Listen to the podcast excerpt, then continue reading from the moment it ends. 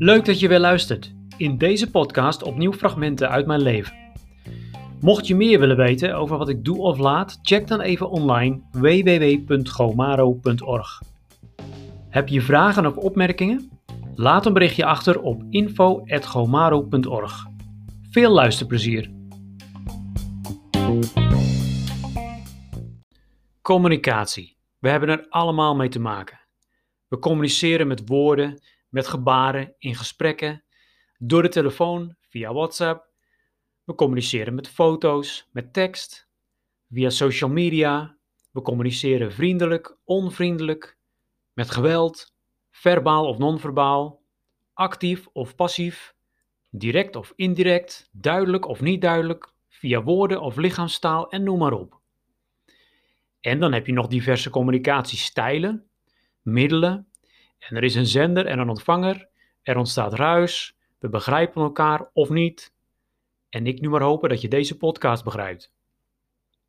Hier komt nog bij dat we kunnen communiceren in een vreemde taal en in een vreemde cultuur.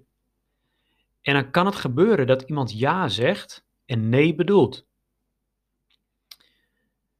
Culturen kunnen grofweg, worden onderscheiden in koude en warme culturen. Het onderscheid zit hem in hoe men omgaat met vooral tijd, relaties en bezit. In koude culturen zie je vaak directe communicatie en is men taakgericht. In warme culturen zie je vaak indirecte communicatie en is men relatiegericht. Overigens betekent dit niet altijd dat er in warme culturen geen individualisme is. Nou, in Nederland valt onder een koude cultuur. In Nederland is men taakgericht en er is directe communicatie en de bezittingen zijn van de bezitter en niet van een ander. Bijvoorbeeld, een ontmoeting of een, ja, een vergadering die om drie uur gepland staat, is om drie uur en je zorgt dat je gewoon op tijd bent, het liefst iets eerder. En je bent voorbereid, als het goed is. Je kunt de eerste vijf tot tien minuten wel praten over hoe het gaat en hoe het met jou gaat, hoe het met mij gaat, over koetjes en kalfjes. Maar dan ga je spijkers met de koppen slaan en je zorgt dat je afspraken maakt, zodat je verder kunt en misschien plan je wel een volgende vergadering. Als je tijdens de vergadering geen pen bij je hebt, ja, dan vraag je het aan je buurman of buurvrouw of je zijn of haar pen misschien zou mogen gebruiken. Je vraagt het, want het is niet jouw pen. Het is zijn of haar pen. Of als ik thuis een gitaar heb, dan is het mijn gitaar en de ander moet even vragen of hij hem mag lenen. Zo werkt dat gewoon in Nederland. In warme, cultuur, in warme culturen gaat het meestal anders. Bijvoorbeeld, er is een vergadering gepland om dinsdag, op dinsdag om drie uur. Dat heeft trouwens al voet in de aarde gehad, want vaak leeft men zonder agenda, dus veel mensen kunnen niet eens plannen. Maar stel dat het is gelukt, dan is hij dus gepland om dinsdag drie uur.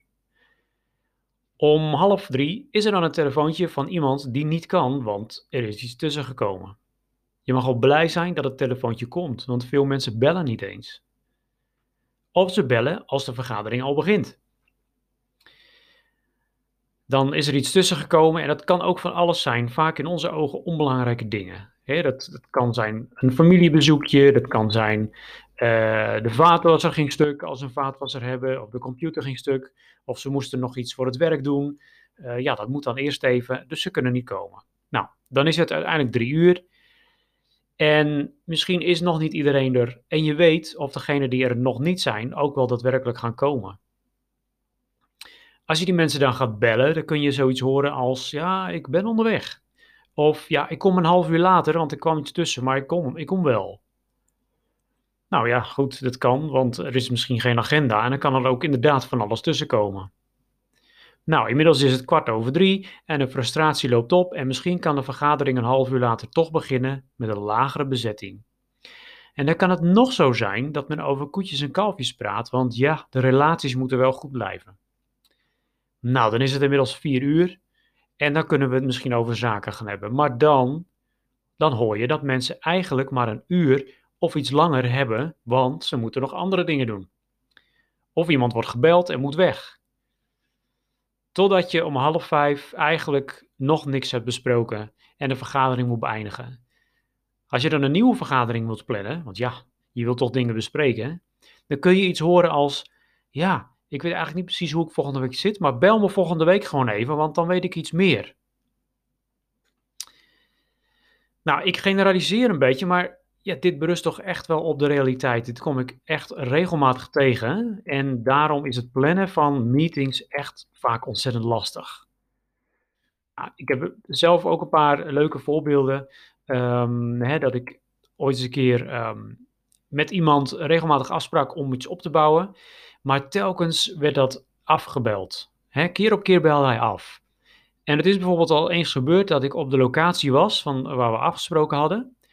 En ja, ik belde zelf maar, want hij was te laat. En ik denk, nou, uh, misschien is hij vergeten of wat dan ook, of misschien is hij onderweg. En um, we hadden om tien uur afgesproken en ik belde misschien uh, vijf of tien over tien. En op dat moment meldde hij van, ja, um, onverwachts kwam er iets, tussen. Dus ik kan eigenlijk niet vandaag, kunnen we het morgen doen? En dan denk ik, hè, kun je me niet gewoon even bellen? En dan, uh, nou ja, nou ja soms dan zeg ik ja, als het kan, dan kan het ja, soms kan het ook niet.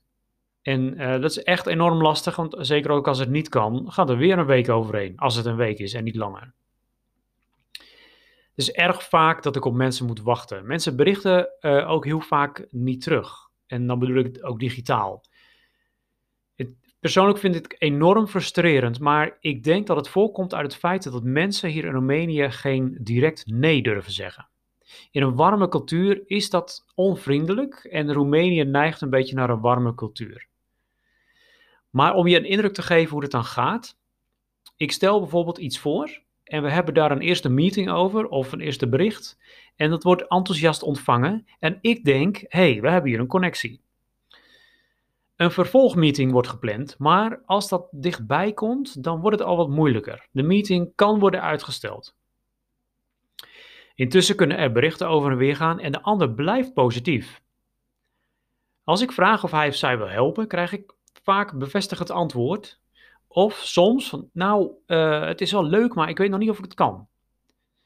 Maar een meeting blijft dan ook uit. Als dit voortduurt, moet ik eigenlijk bij mezelf al nagaan. Uh, ja, ik kan er dan van uitgaan, het is eigenlijk een nee. En die nee kan ook diverse oorzaken hebben. Of ze willen niet, of ze kunnen echt niet, of ze snappen het niet goed, maar durven het niet te vragen. Eens had ik contact met een man wie ik heel hoog had en nog steeds heb. En het duurde misschien wel een jaar voordat duidelijk werd dat het eigenlijk niks werd. Althans, op dat moment. We ontmoetten elkaar wel en er kwam ook wel iets op papier, maar het bleef onduidelijk en we kwamen niet vooruit. Uiteindelijk zette ik hem, zette ik hem een beetje voor het blok. En um, ik, ken, ik kende hem inmiddels goed. En ja, op een vriendelijke manier kan ik dat dan doen. En ja, inderdaad, pas toen zei hij eerlijk van ja, ik wil het wel, maar ik kan het niet vanwege de drukte in mijn gezin. Nou, dat was een heel eerlijk antwoord. En ja, daar ben ik dan ook blij mee, want dan kunnen we iets. Maar het heeft een jaar geduurd. En er zijn meer van deze voorbeelden. En soms duurt het een jaar, dat is maar een enkele keer. Een andere keer, nou, het is eh, met een ander voorbeeld, uh, duurt het al drie jaar. Um, en dan zul je zeggen, ja Martin, uh, kap er dan mee? Nee, daar kom ik straks nog wel op, waarom ik er niet mee kap. In een warme cultuur is het respectloos om nee te zeggen, om een negatief antwoord te geven. Want met nee stel je de ander teleur. En misschien is het richting een gelijkgestelde niet zo erg, maar wel richting een gast of een toerist of een buitenlander. Dat kan ja, respectloos overkomen. Zo zou je als je uh, als toerist bijvoorbeeld naar Zuid-Amerika gaat, mee kunnen maken dat je op een verkeerd spoor wordt gezet. Bijvoorbeeld, je vraagt in een plaats naar het postkantoor. Je krijgt uitgelegd hoe je moet lopen en de man op straat wijst netjes de weg en hij is vriendelijk. Vervolgens dan loop je die route en kom je op de aangewezen plek en je ontdekt dat daar helemaal geen postkantoor is. Sterker nog, je komt erachter dat er helemaal geen postkantoor in de buurt is. Dat wist de vriendelijke man waarschijnlijk wel, maar hij wilde je niet teleurstellen en daarom gaf hij geen negatief antwoord. Alleen, ja, wij als Nederlanders ervaren dit juist als onvriendelijk of zelfs als misleidend. En we voelen ons beetgenomen. We ervaren dit misschien zelfs als respectloos. Ik wel, als ik eerlijk ben. Ook wordt anders omgegaan met bezit. Ik kan me herinneren dat ik eens in Nederland in hetzelfde huis was waar op dat moment buitenlanders op bezoek waren. En op een gegeven moment was ik mijn slippers kwijt. Mijn slippers waar ik binnen altijd op liep. En ja, toen bleek een van de bezoekers erop te lopen. Want ja, het is in hetzelfde huis en dat deden we toch? Onlangs benaderde ik, iemand, uh, benaderde ik iemand voor het verzorgen van social media. En dat was ergens in oktober of november, volgens mij oktober. En uh, nu ik dit opneem is het begin februari. Nou, in november hadden we een online meeting en dit was echt positief. En de dame was heel enthousiast. Ze vroeg me om informatie en nou ja, die mailde ik naar haar. En met uitleg en met videomateriaal erbij. En vervolgens bleef het stil. En ergens in december vroeg ik of ze de info had, had gekregen. Ja, dat had ze, maar er was iets tussen gekomen en ja, ze zal dus de, de mail, die zou ze zo snel mogelijk bekijken en daarna zou ze reactie geven. Maar die bleef echter uit. In december was het druk met diverse dingen en bepaalde zaken maakten dat ik voorstelde om het maar even over kerst en oud en nieuw heen te tillen. En in januari weer contact met haar, met haar op te nemen. En nou, dat was akkoord. In januari nam ik weer contact op. Nee, niet gelijk de eerste dag. Ik heb een paar dagen gewacht, ergens de eerste week, en ik nam weer contact op. Reactie was er niet direct, maar kwam misschien een week later. Echter, in die reactie was er geen concreet antwoord op mijn vraag of we weer konden meeten en of we dus ter zake konden komen. Dus ik vroeg opnieuw of we weer eens een meeting konden hebben en vervolgens bleef het weer minimaal een week stil. In januari vorderde. Toen, na nog een week, nog maar eens een duidelijk bericht met het vriendelijke verzoek om helderheid te geven, ook al was dat een negatief antwoord. Nou, toen kwam pas eind januari inderdaad een, een, een uh, helder antwoord en die was inderdaad negatief.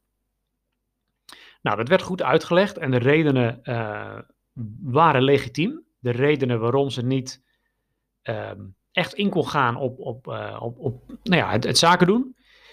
Maar inmiddels zijn er twee maanden overheen gegaan. Twee maanden van wachten. En dit is een voorbeeld. Dit gebeurt me echt heel veel. En op deze manier duren dingen vaak veel langer en is het investeren in goede relaties en uh, het bouwen van projecten en het zaken van de grond krijgen. En dat, nou ja, dat duurt gewoon ontzettend lang.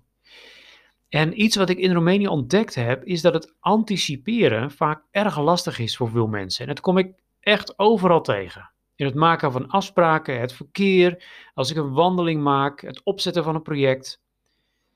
Het anticiperen is vaak echt ver weg. Ik kan bijvoorbeeld in de winkelstraat lopen en er komt iemand een winkel uit en die doorkruist mijn pad. Nou, dat kan gebeuren. Alleen je kijkt toch wel even waar je loopt, normaal gesproken. Maar het gebeurt me echt zeer regelmatig dat iemand de winkel komt uitlopen en die kijkt niet eens naar mij en die botst eigenlijk bijna tegen mij op. Als ik dus niet even opzij spring of stop. En het is een keer gebeurd dat ik naar de winkel liep en ik loop gewoon over straat en er komt een jongen links bij mij, uh, die haalt me in en die gaat pal voor me lopen. Die snijdt me echt af. Dus ja, het gevolg is dat ik per ongeluk tegen zijn hiel schop. En dan krijg ik wel een sorry, maar dan denk ik, huh? Uh, je, ziet toch dat ik hier loop? Ik, ik, nou ja, ik vind het heel bijzonder. Um, en ja, het anticiperen of het leven in je eigen bubbel, wat ik toch, ja, zo noem ik het maar even. En ja, mijn, in mijn inziens heeft het heel veel te maken met waar het land vandaan komt. Het is uh, ruim 30 jaar geleden dat het communisme viel. En tijdens het communisme werden de meeste dingen van hogerhand geregeld en alles was van iedereen. Werk was er wel, hè? iedereen had eigenlijk een soort van baan, uh, wat het dan ook was. En iemand was er wel om dat allemaal voor je te regelen. Bouwen aan een carrière was er niet echt, want je moest toch alles delen. Hè? En je kon bijvoorbeeld een huis kopen, maar dat kon ook weer ingevorderd worden. Echt iets opbouwen stond in een totaal ander licht dan nu. Tegelijk was er ook een groot wantrouwen. Want ja, wie kon je nog vertrouwen? De geheime politie was overal. Dus deed je iets wat um, buiten de gebaande wegen uh, kwam, ja, dan, dan, uh, dan kon je daar reactie op verwachten. En ik denk dat dit heel veel invloed heeft op de mensen, uh, hoe de mensen vandaag de dag denken. En ondanks de gastvrijheid van de Roemeense bevolking en het bouwen aan relatie, zie ik heel veel individualisme en mensen die in of voor zichzelf leven en pertinent niet geloven dat er ooit enige verandering zal optreden. Dit leidt tot wantrouwen ook nu in mensen of in ideeën of in plannen.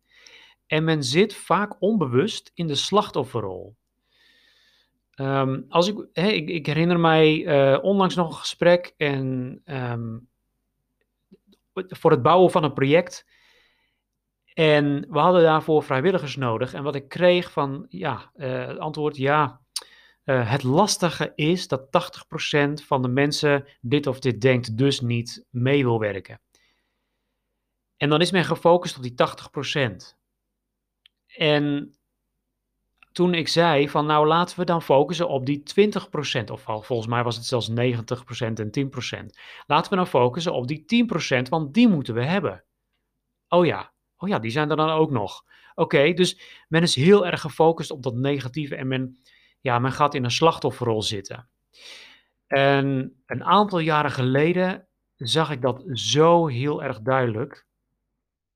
Een aantal jaren geleden waren enorm veel protesten op straat, veel ehm, ehm, demonstraties. En het waren de grootste demonstraties na de revolutie. Er waren misschien wel 600.000 mensen op straat, 650.000 mensen op straat, verdeeld over heel het land, hè, op, in verschillende steden. Ja, het ging allemaal tegen corruptie.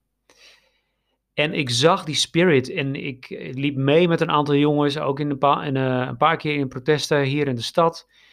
En ik zag het natuurlijk in het nieuws en ik voelde die spirit en ik voelde die, die, die, die drang uh, en, en de mensen die hadden een stem. Wij willen het niet zo op deze manier langer, wij willen verandering. En dat gaf mij um, ja, een soort van, van, van uh, ik vond het heel bijzonder om mee te maken. En, ik denk, ja, ze gebruiken een stem. Men gebruikt een stem. En wat mij ook opviel, het was nagenoeg geweldloos. Er, was enig geweld in de hoofdstad Boekarest. En dat, het schijnt later dat dat um, een groep harde kern voetbalsupporters was. Die zich onder de demonstranten hadden gemengd om, om rellen te schoppen. Ehm, maar nagenoeg, overal was het geweldloos. Ook hier in de stad, het was geweldloos. Het was een goede demonstratie. En toen dacht ik van, wauw, dit is bijzonder. En twee weken daarna kwam er een student naar me toe. En ehm, ja, met een heel concreet voorbeeld van corruptie op school.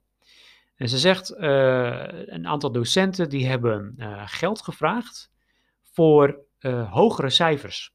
Zodat wij hogere cijfers krijgen op onze examens. Alleen als klas hebben we gezegd, ja, dit, dit gaan we niet doen, hier gaan we niet in mee.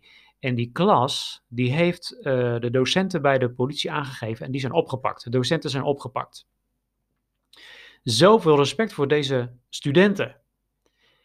Nou, het punt was, de school die vertelde deze klas, waar, de, waar deze studenten uitkwam, um, jullie hebben ervoor gezorgd dat deze docenten aangegeven uh, werden en dus uh, gevangen werden gezet. Voor straf gaan we jullie volgende semester extra moeilijk maken. En ja, deze gebeurtenis, uh, ik werd daar zo boos over. En met de gedachte van twee weken geleden, twee weken daarvoor, uh, met al die protesten in mijn hoofd, dacht ik van, goed, dan hebben we hier een hele concrete, uh, een heel concreet geval. En dan gaan we nu actie ondernemen. Dus nu gaan we concreet iets doen. Alleen, ik had nog nooit echt met dergelijke gevallen gedeeld, zo heel concreet. Dus ik vraag hier en daar van, oké, hoe gaat dat in zijn werk? Moet ik dan naar de politie? Moet ik dan naar een of ander um, um, inspectiebureau, uh, onderwijsinspectie? Uh, is er een speciaal corruptiebureau? Uh, hoe moet ik dat precies gaan doen? En ik heb verschillende mensen hier en daar gevraagd en ook kenbaar gemaakt van, nou, we voelen ons hier toch wel heel vervelend over, toch? Want twee weken geleden liepen we allemaal op straat. Nou, het unanieme antwoord, wat ik eigenlijk, ja, echt eigenlijk unaniem kreeg, was heel vervelend dat je er rot onder voelt. Alleen wend er maar aan, want dit is Roemenië, je kunt het toch niet veranderen. Nou, ik was echt perplex. En mijn vraag was van, ja, maar wat doen we dan op straat? Nou, en die slachtofferrol, die hopeloosheid, die is zo algemeen en dat is het heel erg lastig om er tegen te vechten. Nou, even terug naar communicatie. Ik loop dus ja, veel aan tegen onduidelijkheid of uitstelgedrag, maar ook echt wel hopeloosheid. En dat is vaak echt lastig, maar tegelijk kan ik ook zeggen, het Roemeense volk is erg gastvrij en ze zijn heel creatief en het is sterk, want het houdt nog wel steeds vol.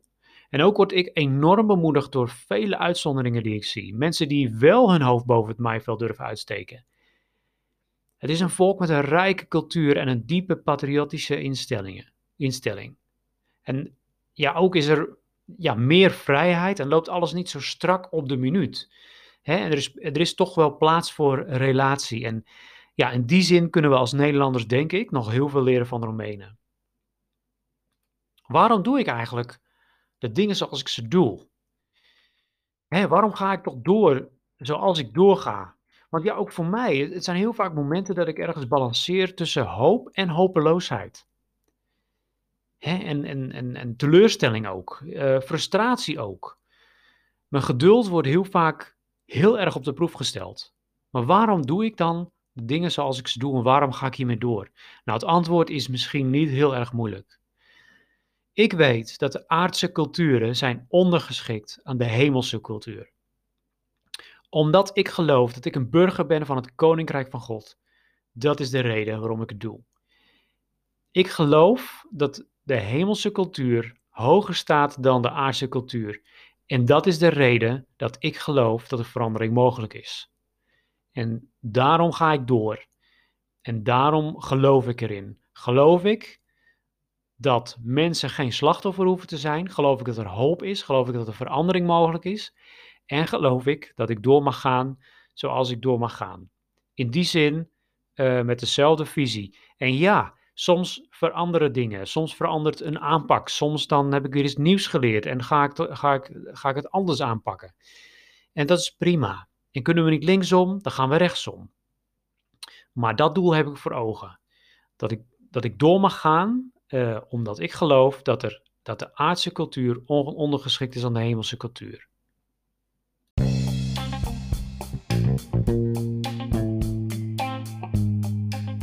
Leuk dat je weer hebt geluisterd. Ik hoop dat je genoten hebt van deze podcast en dat je weer iets geleerd hebt over mij, cultuur of het leven. Vergeet niet even te kijken op www.gomaro.org voor meer informatie of laat een berichtje achter. Dankjewel en tot de volgende keer.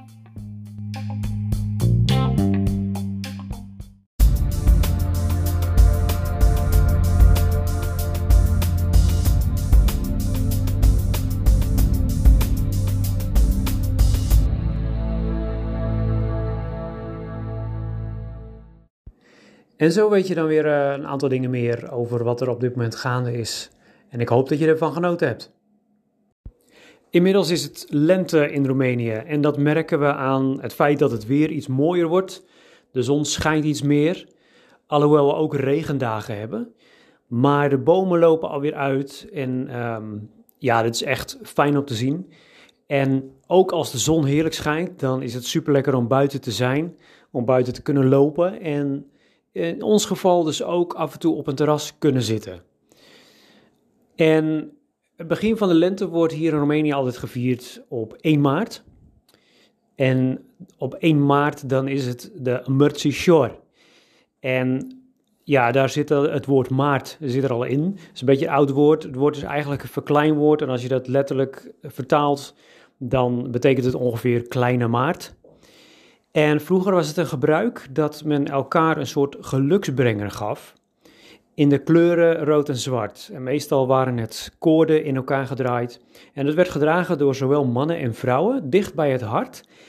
En uh, dat een maand lang. En het idee was, uh, men geloofde dat ze dan de rest van het jaar ja, gezond zouden blijven, uh, voorspoed zouden kennen het was een soort geluksbrenger en het werd uh, gegeven aan het begin van de lente. Tegenwoordig is het er nog steeds, maar dan meestal in de vorm van een armbandje of een ketting, kettingje. En de kleuren zijn iets anders. Het is nu meestal rood en wit. En het wordt meer gezien als een teken van vriendschap, um, als een teken van uh, waardering of respect. En meestal wordt het dan nu gegeven door de mannen aan de vrouwen. En ja, het is een, het is een, ehm, een positief gebaar en het begin van de lente. En ja, dat zie je toch wel echt in stand worden gehouden. En zo is de lente ook hier. Maar ook het mooie weer, zoals ik zei, dat uh, nou, is toch regelmatig. Uh, hebben we dat hier gelukkig alweer. En de temperaturen lopen iets op. Het schommelt nog wel wat. We hebben nog regen. En we kennen het Nederlandse spreekwoord: april doet wat hij wil. Uh, nou, dat is hier ook een beetje zo. Op het moment dat ik dit opneem, hebben we toevallig een regenachtige dag. Maar als ik naar buiten kijk, zie ik echt alweer een stuk meer groen aan de bomen. De takken zijn niet meer kaal en dood, maar het frisse groen komt er weer uit. En dat is echt mooi om te zien. Um, een paar dingetjes wat er op dit moment gaande is, is onder andere het huiswerkproject nog steeds. Op het moment dat ik dit opneem is het vakantie en zijn de scholen gesloten. De vakantie hier in april is eigenlijk verlengd van uh, ik geloof één of, of, ruim één week naar wel drie of vier weken. De Pasen zitten tussen en um, ja, men heeft besloten om de school uh, echt een poosje uh, dicht te doen. En de leerlingen hebben nu vakantie, dus, dus, op dit moment staat het stil. Um, het huiswerkproject is nog steeds gaande, maar ja, de, de, de studenten waarmee we begonnen zijn, zijn er niet allemaal meer. Er zijn een aantal weg, een aantal hadden uh, ja, wat incidentele hulp nodig, dus die uh, doen niet meer een beroep op, onze, op ons support. Um, daarnaast is het ook gewoon ontzettend lastig om goed te communiceren, omdat de leerlingen heel vaak niet weten waar ze aan toe zijn. En dat komt niet doordat zij um, ja, daar geen aandacht voor hebben. Het komt ook doordat de school soms of last minute of niet duidelijk communiceert. En het is heel lastig, want ja, één, keer kregen we dus een berichtje um, om vier uur middags geloof ik, om vijf uur, uh, of misschien nog later zelfs, van iemand ja, die had huis, huiswerk opgekregen. Pardon. Van iemand die had huiswerk opgekregen en um, dat moesten ze de volgende dag af hebben, maar ze snapten het niet. En dat was vrij last minute. En ik vroeg van, hey, hoe, uh, heb je heb, wanneer heb je dit gekregen? Wanneer heb je dit huiswerk opgekregen? Ja, dat kregen we vandaag, dus een paar uur geleden. En ja, dat was erg last minute. En zo gebeurt het vaker, dat de leerlingen gewoon niet zo goed weten waar ze aan toe zijn. En dat is heel lastig te communiceren naar de vrijwilligers. En wat ik heb gezien is dat de vrijwilligers ook gewoon afgevallen zijn, omdat dingen niet duidelijk zijn. Maar hoe het dan gaat, is dat de vrijwilliger een vraag stelt aan de leerlingen. De leerlingen zijn niet heel erg duidelijk. En dan heeft de vrijwilliger de indruk dat de leerlingen eigenlijk geen hulp willen. Wat natuurlijk niet zo is. En ik heb onder andere door die reden, niet alleen door die reden, om die reden, maar ook onder andere om deze reden heb ik vrijwilligers weg zien lopen. En um, nou, dat vond ik wel een teleurstelling omdat ik denk, hé, hey, ik heb toch met volwassen vrijwilligers te maken.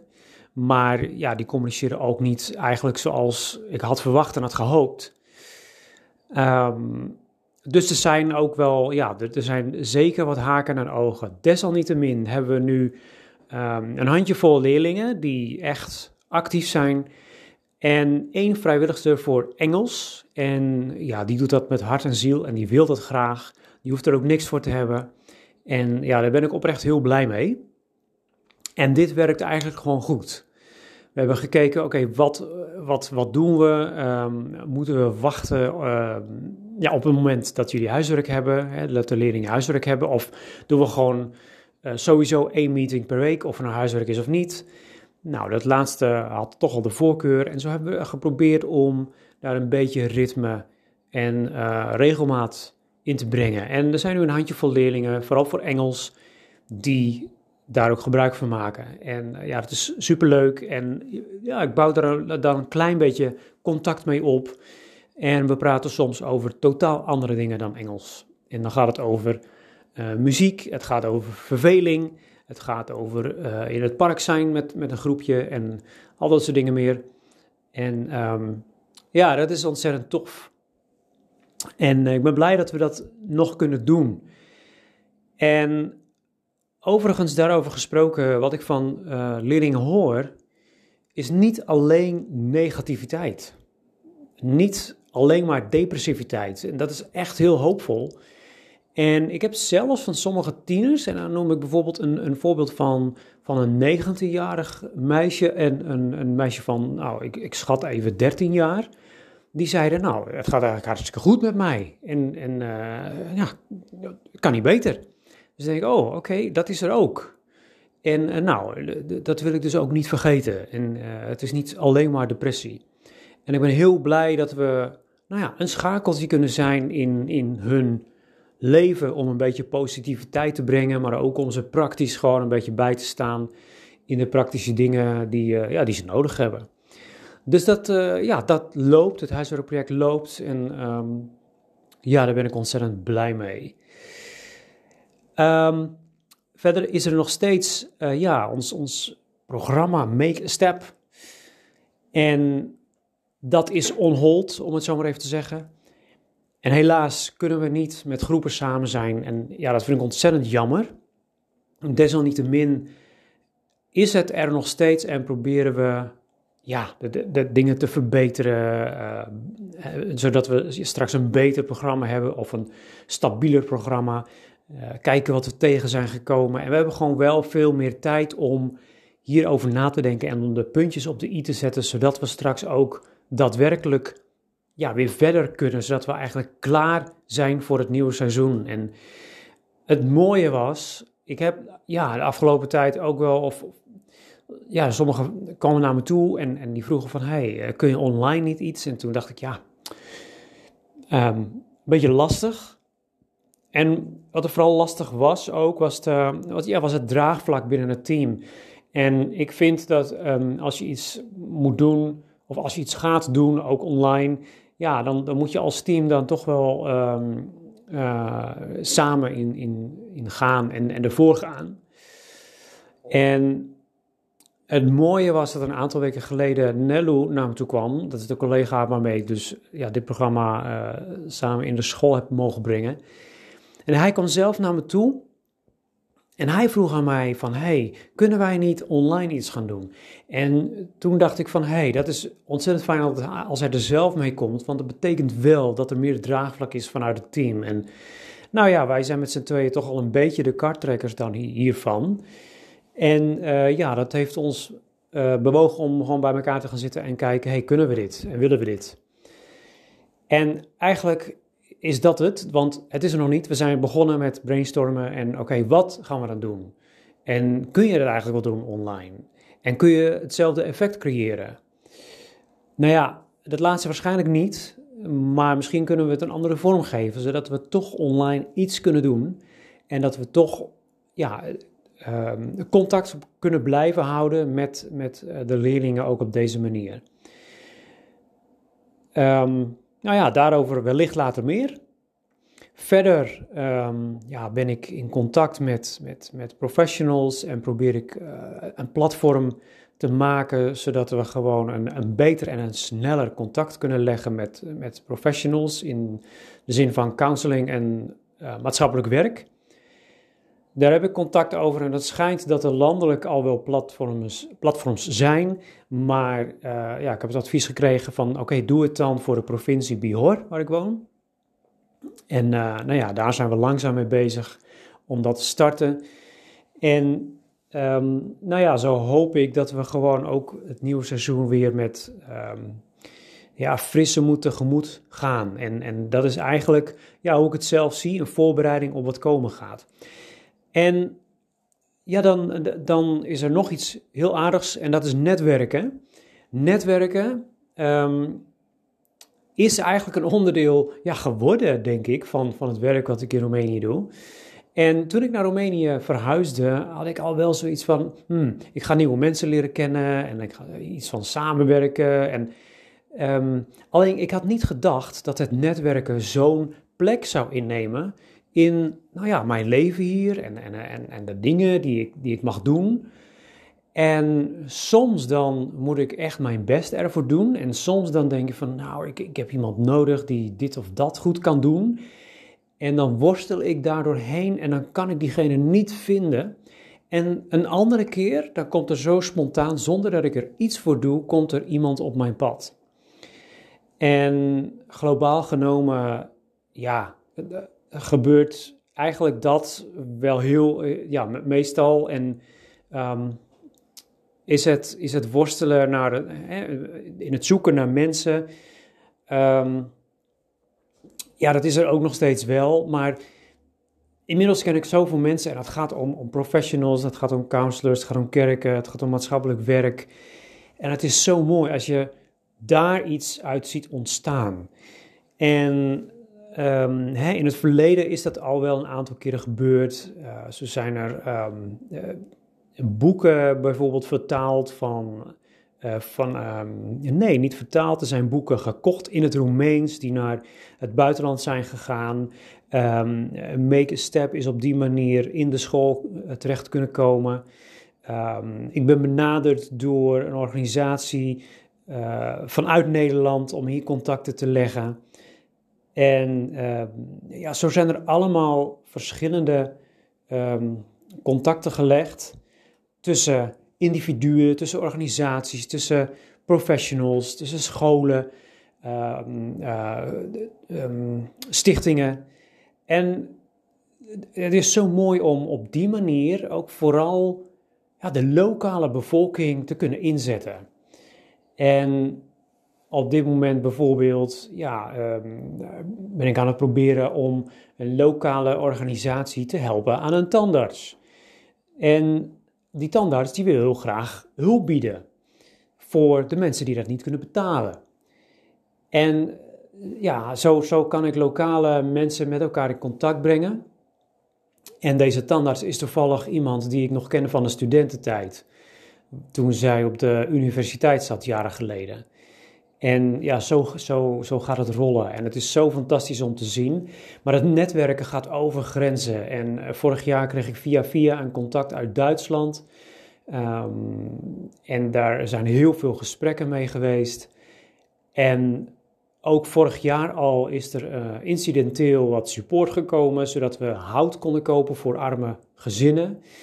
Uh, dit jaar uh, is er support gekomen zodat we wat uh, maaltijden konden kopen voor gezinnen. En nou ja, er is nog veel meer van, hey, kunnen we niet meer doen? En er is interesse getoond, ook vanuit Duitsland, in het Make a Step programma. Um, en, en, en ja, zo, zo is netwerken ook gewoon zoiets moois, zodat niet iedereen zelf ja, alles hoeft te doen het wiel niet opnieuw hoeft uitgevonden te worden. En ja, ik geloof absoluut in, in deze samenwerking. En dat duurt soms lang. Soms dan wil ik vandaag, uh, of krijg ik vandaag een idee en wil ik dat vandaag of morgen gaan doen. Helaas lukt dat niet altijd. Maar uh, ja, het netwerken is echt ongelooflijk fantastisch. En als ik dan met sommige mensen in gesprek ben, dan denk ik, oh ja, en dan, dan voel ik die, die visie op dezelfde level. En ik voel het dan resoneren. En, en ja, soms dan merk je gewoon, oké, hier zit een connectie. En hier moeten we iets mee. En ja, dat is ontzettend gaaf om te doen. Netwerken is um, een van de ja, grote, of, of ja, de, grotere dingen die ik eh, ja, mag doen. En um, ja, dat is echt fantastisch. Netwerken, begin van de lente, um, huiswerkproject, Make a Step, het is allemaal in beweging. En het is zo fantastisch. En uh, niet dat het elke dag allemaal positief is. Ik heb ook mijn dagen dat ik denk van, hmm, hoe moet ik dat allemaal gaan doen en gaat het allemaal lukken? En dan een dag later of twee dagen later of drie dagen later of een week later, dan denk ik, wauw, dit had ik niet verwacht. En ja, zo gaan we door en dat is ontzettend gaaf. Inmiddels is het lente in Roemenië en dat merken we aan het feit dat het weer iets mooier wordt. De zon schijnt iets meer, alhoewel we ook regendagen hebben. Maar de bomen lopen alweer uit en um, ja, dit is echt fijn om te zien. En ook als de zon heerlijk schijnt, dan is het super lekker om buiten te zijn, om buiten te kunnen lopen en in ons geval dus ook af en toe op een terras kunnen zitten. En het begin van de lente wordt hier in Roemenië altijd gevierd op 1 maart.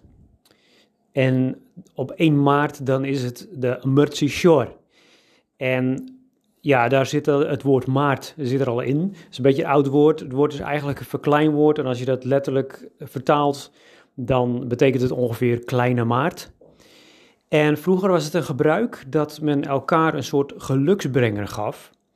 In de kleuren rood en zwart. En meestal waren het koorden in elkaar gedraaid. En het werd gedragen door zowel mannen en vrouwen, dicht bij het hart. En uh, dat een maand lang.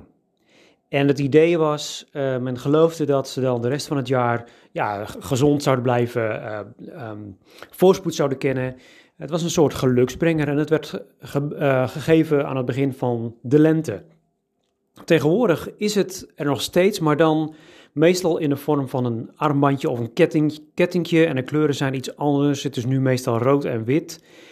En het wordt meer gezien als een teken van vriendschap, um, als een teken van uh, waardering of respect. En meestal wordt het dan nu gegeven door de mannen aan de vrouwen. En ja, het is een, het is een, um, een positief gebaar en het begin van de lente. En ja, dat zie je toch wel echt in stand worden gehouden. En zo is de lente ook hier. Maar ook het mooie weer, zoals ik zei, dat uh, nou, is toch regelmatig. Uh, hebben we dat hier gelukkig alweer. En temperaturen lopen iets op. Het schommelt nog wel wat. We hebben nog regen. En we kennen het Nederlandse spreekwoord: april doet wat hij wil. Uh, nou, dat is hier ook een beetje zo. Op het moment dat ik dit opneem, hebben we toevallig een regenachtige dag. Maar als ik naar buiten kijk, zie ik echt alweer een stuk meer groen aan de bomen. De takken zijn niet meer kaal en dood, maar het frisse groen komt er weer uit. En dat is echt mooi om te zien. Um, een paar dingetjes wat er op dit moment gaande is, is onder andere het huiswerkproject nog steeds. Op het moment dat ik dit opneem, is het vakantie en zijn de scholen gesloten. De vakantie hier in april is eigenlijk verlengd van, uh, ik geloof, één of, of, ruim één week naar wel drie of vier weken. De Pasen zitten tussen en um, ja, men heeft besloten om de school uh, echt een poosje uh, dicht te doen. En uh, de leerlingen hebben nu vakantie, dus, dus, op dit moment staat het stil. Um, het huiswerkproject is nog steeds gaande, maar ja, de, de, de studenten waarmee uh, begonnen zijn, zijn er niet allemaal meer. Er zijn een aantal weg, een aantal hadden ja, wat incidentele hulp nodig, dus die doen niet meer een beroep op, onze, op ons support. Um, daarnaast is het ook gewoon ontzettend lastig om goed te communiceren, omdat de leerlingen heel vaak niet weten waar ze aan toe zijn. En dat komt niet doordat zij um, ja, daar geen aandacht voor hebben. Het komt ook door dat de school soms of last minute of niet duidelijk communiceert. En het is heel lastig, want ja, één, één keer kregen we dus een berichtje um, om vier uur s middags geloof ik, voor vijf uur, uh, of misschien nog later zelfs, van iemand die het huiswerk opgekregen en um, dat moesten ze de volgende dag af hebben, maar ze snapten het niet. En dat was vrij last minute. En ik vroeg van, hey, hoe, uh, heb je dit van, heb, wanneer heb je dit gekregen? Wanneer heb je dit huiswerk opgekregen? Ja, dat kregen we vandaag, dus een paar uur geleden. En ja, dat was erg last minute. En zo gebeurt het vaker, dat de leerlingen gewoon niet zo goed weten waar ze aan toe zijn. En dat is heel lastig te communiceren naar de vrijwilligers. En wat ik heb gezien is dat de vrijwilligers ook gewoon afgevallen zijn, omdat dingen niet duidelijk zijn. Maar hoe het dan gaat, is dat de vrijwilliger een vraag stelt aan de leerlingen. De leerlingen zijn niet heel erg duidelijk. En dan heeft de vrijwilliger de indruk dat de leerlingen eigenlijk geen hulp willen. Wat natuurlijk niet zo is. En ik heb onder andere door die reden, niet alleen door die reden, om die reden, maar ook onder andere om deze reden heb ik vrijwilligers weg zien lopen. En um, nou, dat vond ik wel een teleurstelling omdat ik denk, hé, hey, ik heb toch met volwassen vrijwilligers te maken. Maar ja, die communiceren ook niet eigenlijk zoals ik had verwacht en had gehoopt. Um, dus er zijn ook wel, ja, er, zijn zeker wat haken en ogen. Desalniettemin hebben we nu um, een handjevol leerlingen die echt actief zijn. En één vrijwilligster voor Engels. En ja, die doet dat met hart en ziel en die wil dat graag. Die hoeft er ook niks voor te hebben. En ja, daar ben ik oprecht heel blij mee. En dit werkt eigenlijk gewoon goed. We hebben gekeken, oké, wat, wat, wat doen we? Ehm, moeten we wachten ehm, ja, op het moment dat jullie huiswerk hebben, hè, dat de leerlingen huiswerk hebben? Of doen we gewoon uh, sowieso één meeting per week, of er nou huiswerk is of niet? Nou, dat laatste had toch al de voorkeur. En zo hebben we geprobeerd om daar een beetje ritme en uh, regelmaat in te brengen. En er zijn nu een handjevol leerlingen, vooral voor Engels, die daar ook gebruik van maken. En uh, ja, het is superleuk. En ja, ik bouw daar dan een klein beetje contact mee op. En we praten soms over totaal andere dingen dan Engels. En dan gaat het over uh, muziek, het gaat over verveling, het gaat over uh, in het park zijn met, met een groepje en al dat soort dingen meer. En um, ja, dat is ontzettend tof. En uh, ik ben blij dat we dat nog kunnen doen. En overigens daarover gesproken, wat ik van leerlingen hoor, is niet alleen negativiteit. Niet alleen maar depressiviteit. En dat is echt heel hoopvol. En ik heb zelfs van sommige tieners, en dan noem ik bijvoorbeeld een, een voorbeeld van, van een 19-jarig meisje en een, een meisje van, nou, ik, ik schat even 13 jaar. Die zeiden, nou, het gaat eigenlijk hartstikke goed met mij. En, en uh, ja, kan niet beter. Dus dan denk ik, oh, oké, dat is er ook. En uh, nou, dat wil ik dus ook niet vergeten. En uh, het is niet alleen maar depressie.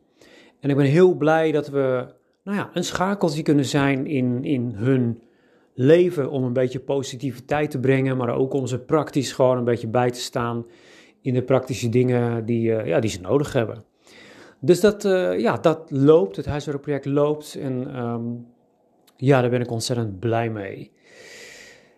Um, verder is er nog steeds uh, ja, ons, ons programma Make a Step. En dat is on hold, om het zo maar even te zeggen. En helaas kunnen we niet met groepen samen zijn. En ja, dat vind ik ontzettend jammer. Desalniettemin is het er nog steeds en proberen we ja, de, de, de dingen te verbeteren. Uh, zodat we straks een beter programma hebben of een stabieler programma. Uh, kijken wat we tegen zijn gekomen. En we hebben gewoon wel veel meer tijd om hierover na te denken en om de puntjes op de i te zetten, zodat we straks ook daadwerkelijk ja, weer verder kunnen, zodat we eigenlijk klaar zijn voor het nieuwe seizoen. En het mooie was, ik heb ja, de afgelopen tijd ook wel, of ja, sommigen kwamen naar me toe en, en die vroegen van, hey, eh, kun je online niet iets? En toen dacht ik, ja, um, een beetje lastig. En wat er vooral lastig was ook, was, de, wat, ja, was het draagvlak binnen het team. En ik vind dat um, als je iets moet doen, of als je iets gaat doen, ook online, ja, dan, dan moet je als team dan toch wel um, uh, samen in, in, in gaan en, en ervoor gaan. En het mooie was dat een aantal weken geleden Nellu naar me toe kwam. Dat is de collega waarmee ik dus ja, dit programma uh, samen in de school heb mogen brengen. En hij kwam zelf naar me toe en hij vroeg aan mij van, hey, kunnen wij niet online iets gaan doen? En toen dacht ik van, hey, dat is ontzettend fijn als hij er zelf mee komt, want dat betekent wel dat er meer draagvlak is vanuit het team. En nou ja, wij zijn met z'n tweeën toch al een beetje de karttrekkers dan hiervan. En uh, ja, dat heeft ons uh, bewogen om gewoon bij elkaar te gaan zitten en kijken, hey, kunnen we dit en willen we dit? En eigenlijk is dat het, want het is er nog niet. We zijn begonnen met brainstormen en oké, wat gaan we dan doen? En kun je dat eigenlijk wel doen online? En kun je hetzelfde effect creëren? Nou ja, dat laatste waarschijnlijk niet, maar misschien kunnen we het een andere vorm geven, zodat we toch online iets kunnen doen en dat we toch ja, um, contact kunnen blijven houden met, met eh, de leerlingen ook op deze manier. Um, nou ja, daarover wellicht later meer.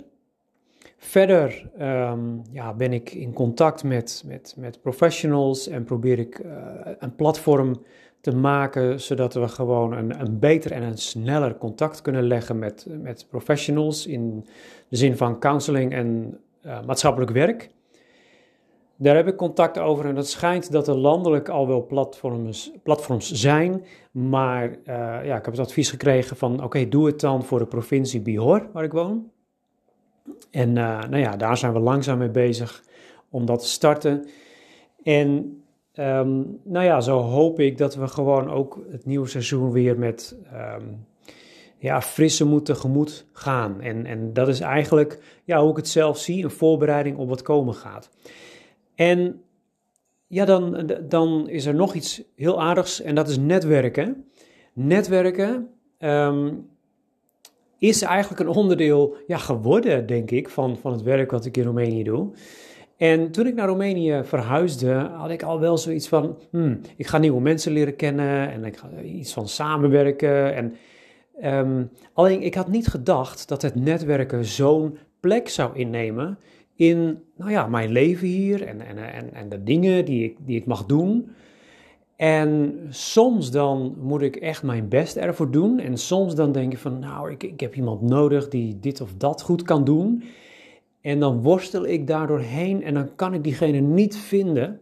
En een andere keer, dan komt er zo spontaan, zonder dat ik er iets voor doe, komt er iemand op mijn pad. En globaal genomen, ja, gebeurt eigenlijk dat wel heel, eh, ja, meestal. En ehm, is, het, is het worstelen naar in het zoeken naar mensen. Ehm, ja, dat is er ook nog steeds wel, maar inmiddels ken ik zoveel mensen en het gaat om, om professionals, het gaat om counselors, het gaat om kerken, het gaat om maatschappelijk werk. En het is zo mooi als je daar iets uit ziet ontstaan. En Um, hè, in het verleden is dat al wel een aantal keren gebeurd. Uh, zijn er um, uh, boeken bijvoorbeeld vertaald van. Uh, van um, nee, niet vertaald. Er zijn boeken gekocht in het Roemeens die naar het buitenland zijn gegaan. Make a Step is op die manier in de school terecht kunnen komen. ik ben benaderd door een organisatie vanuit Nederland om hier contacten te leggen. En ehm, ja, zo zijn er allemaal verschillende ehm, contacten gelegd tussen individuen, tussen organisaties, tussen professionals, tussen scholen, ehm, eh, stichtingen. En het is zo mooi om op die manier ook vooral ja, de lokale bevolking te kunnen inzetten.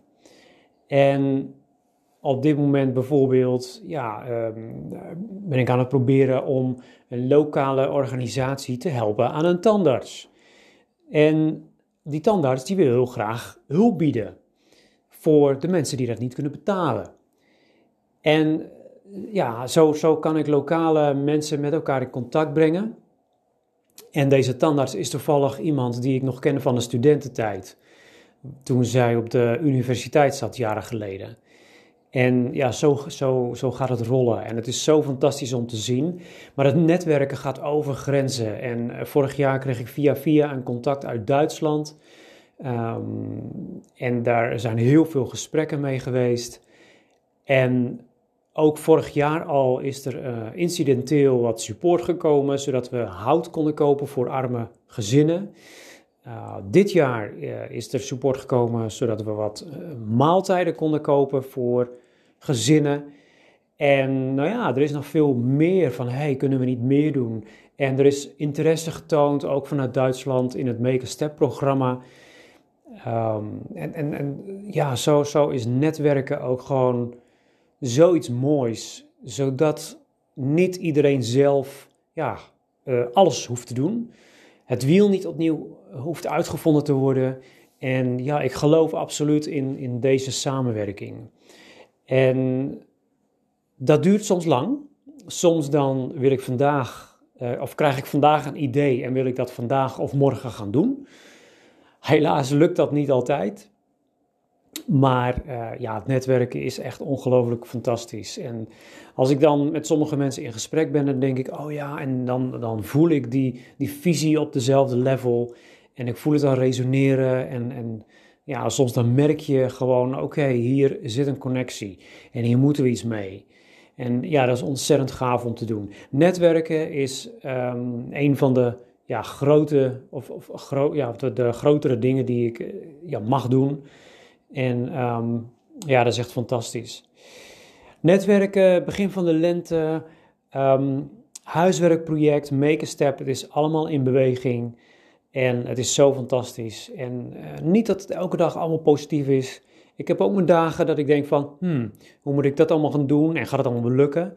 En dan een dag later of twee dagen later of drie dagen later of een week later, dan denk ik, wauw, dit had ik niet verwacht. En ja, zo gaan we door en dat is ontzettend gaaf. En zo weet je dan weer uh, een aantal dingen meer over wat er op dit moment gaande is. En ik hoop dat je ervan genoten hebt.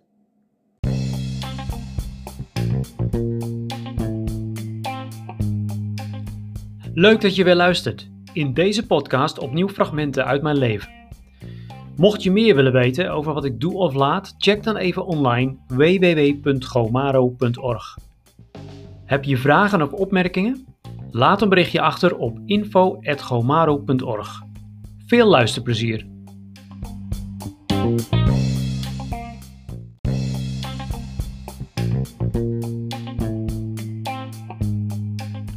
Leuk dat je weer hebt geluisterd.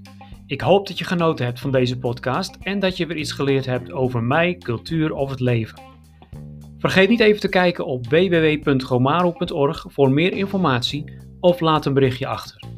Dankjewel en tot de volgende keer.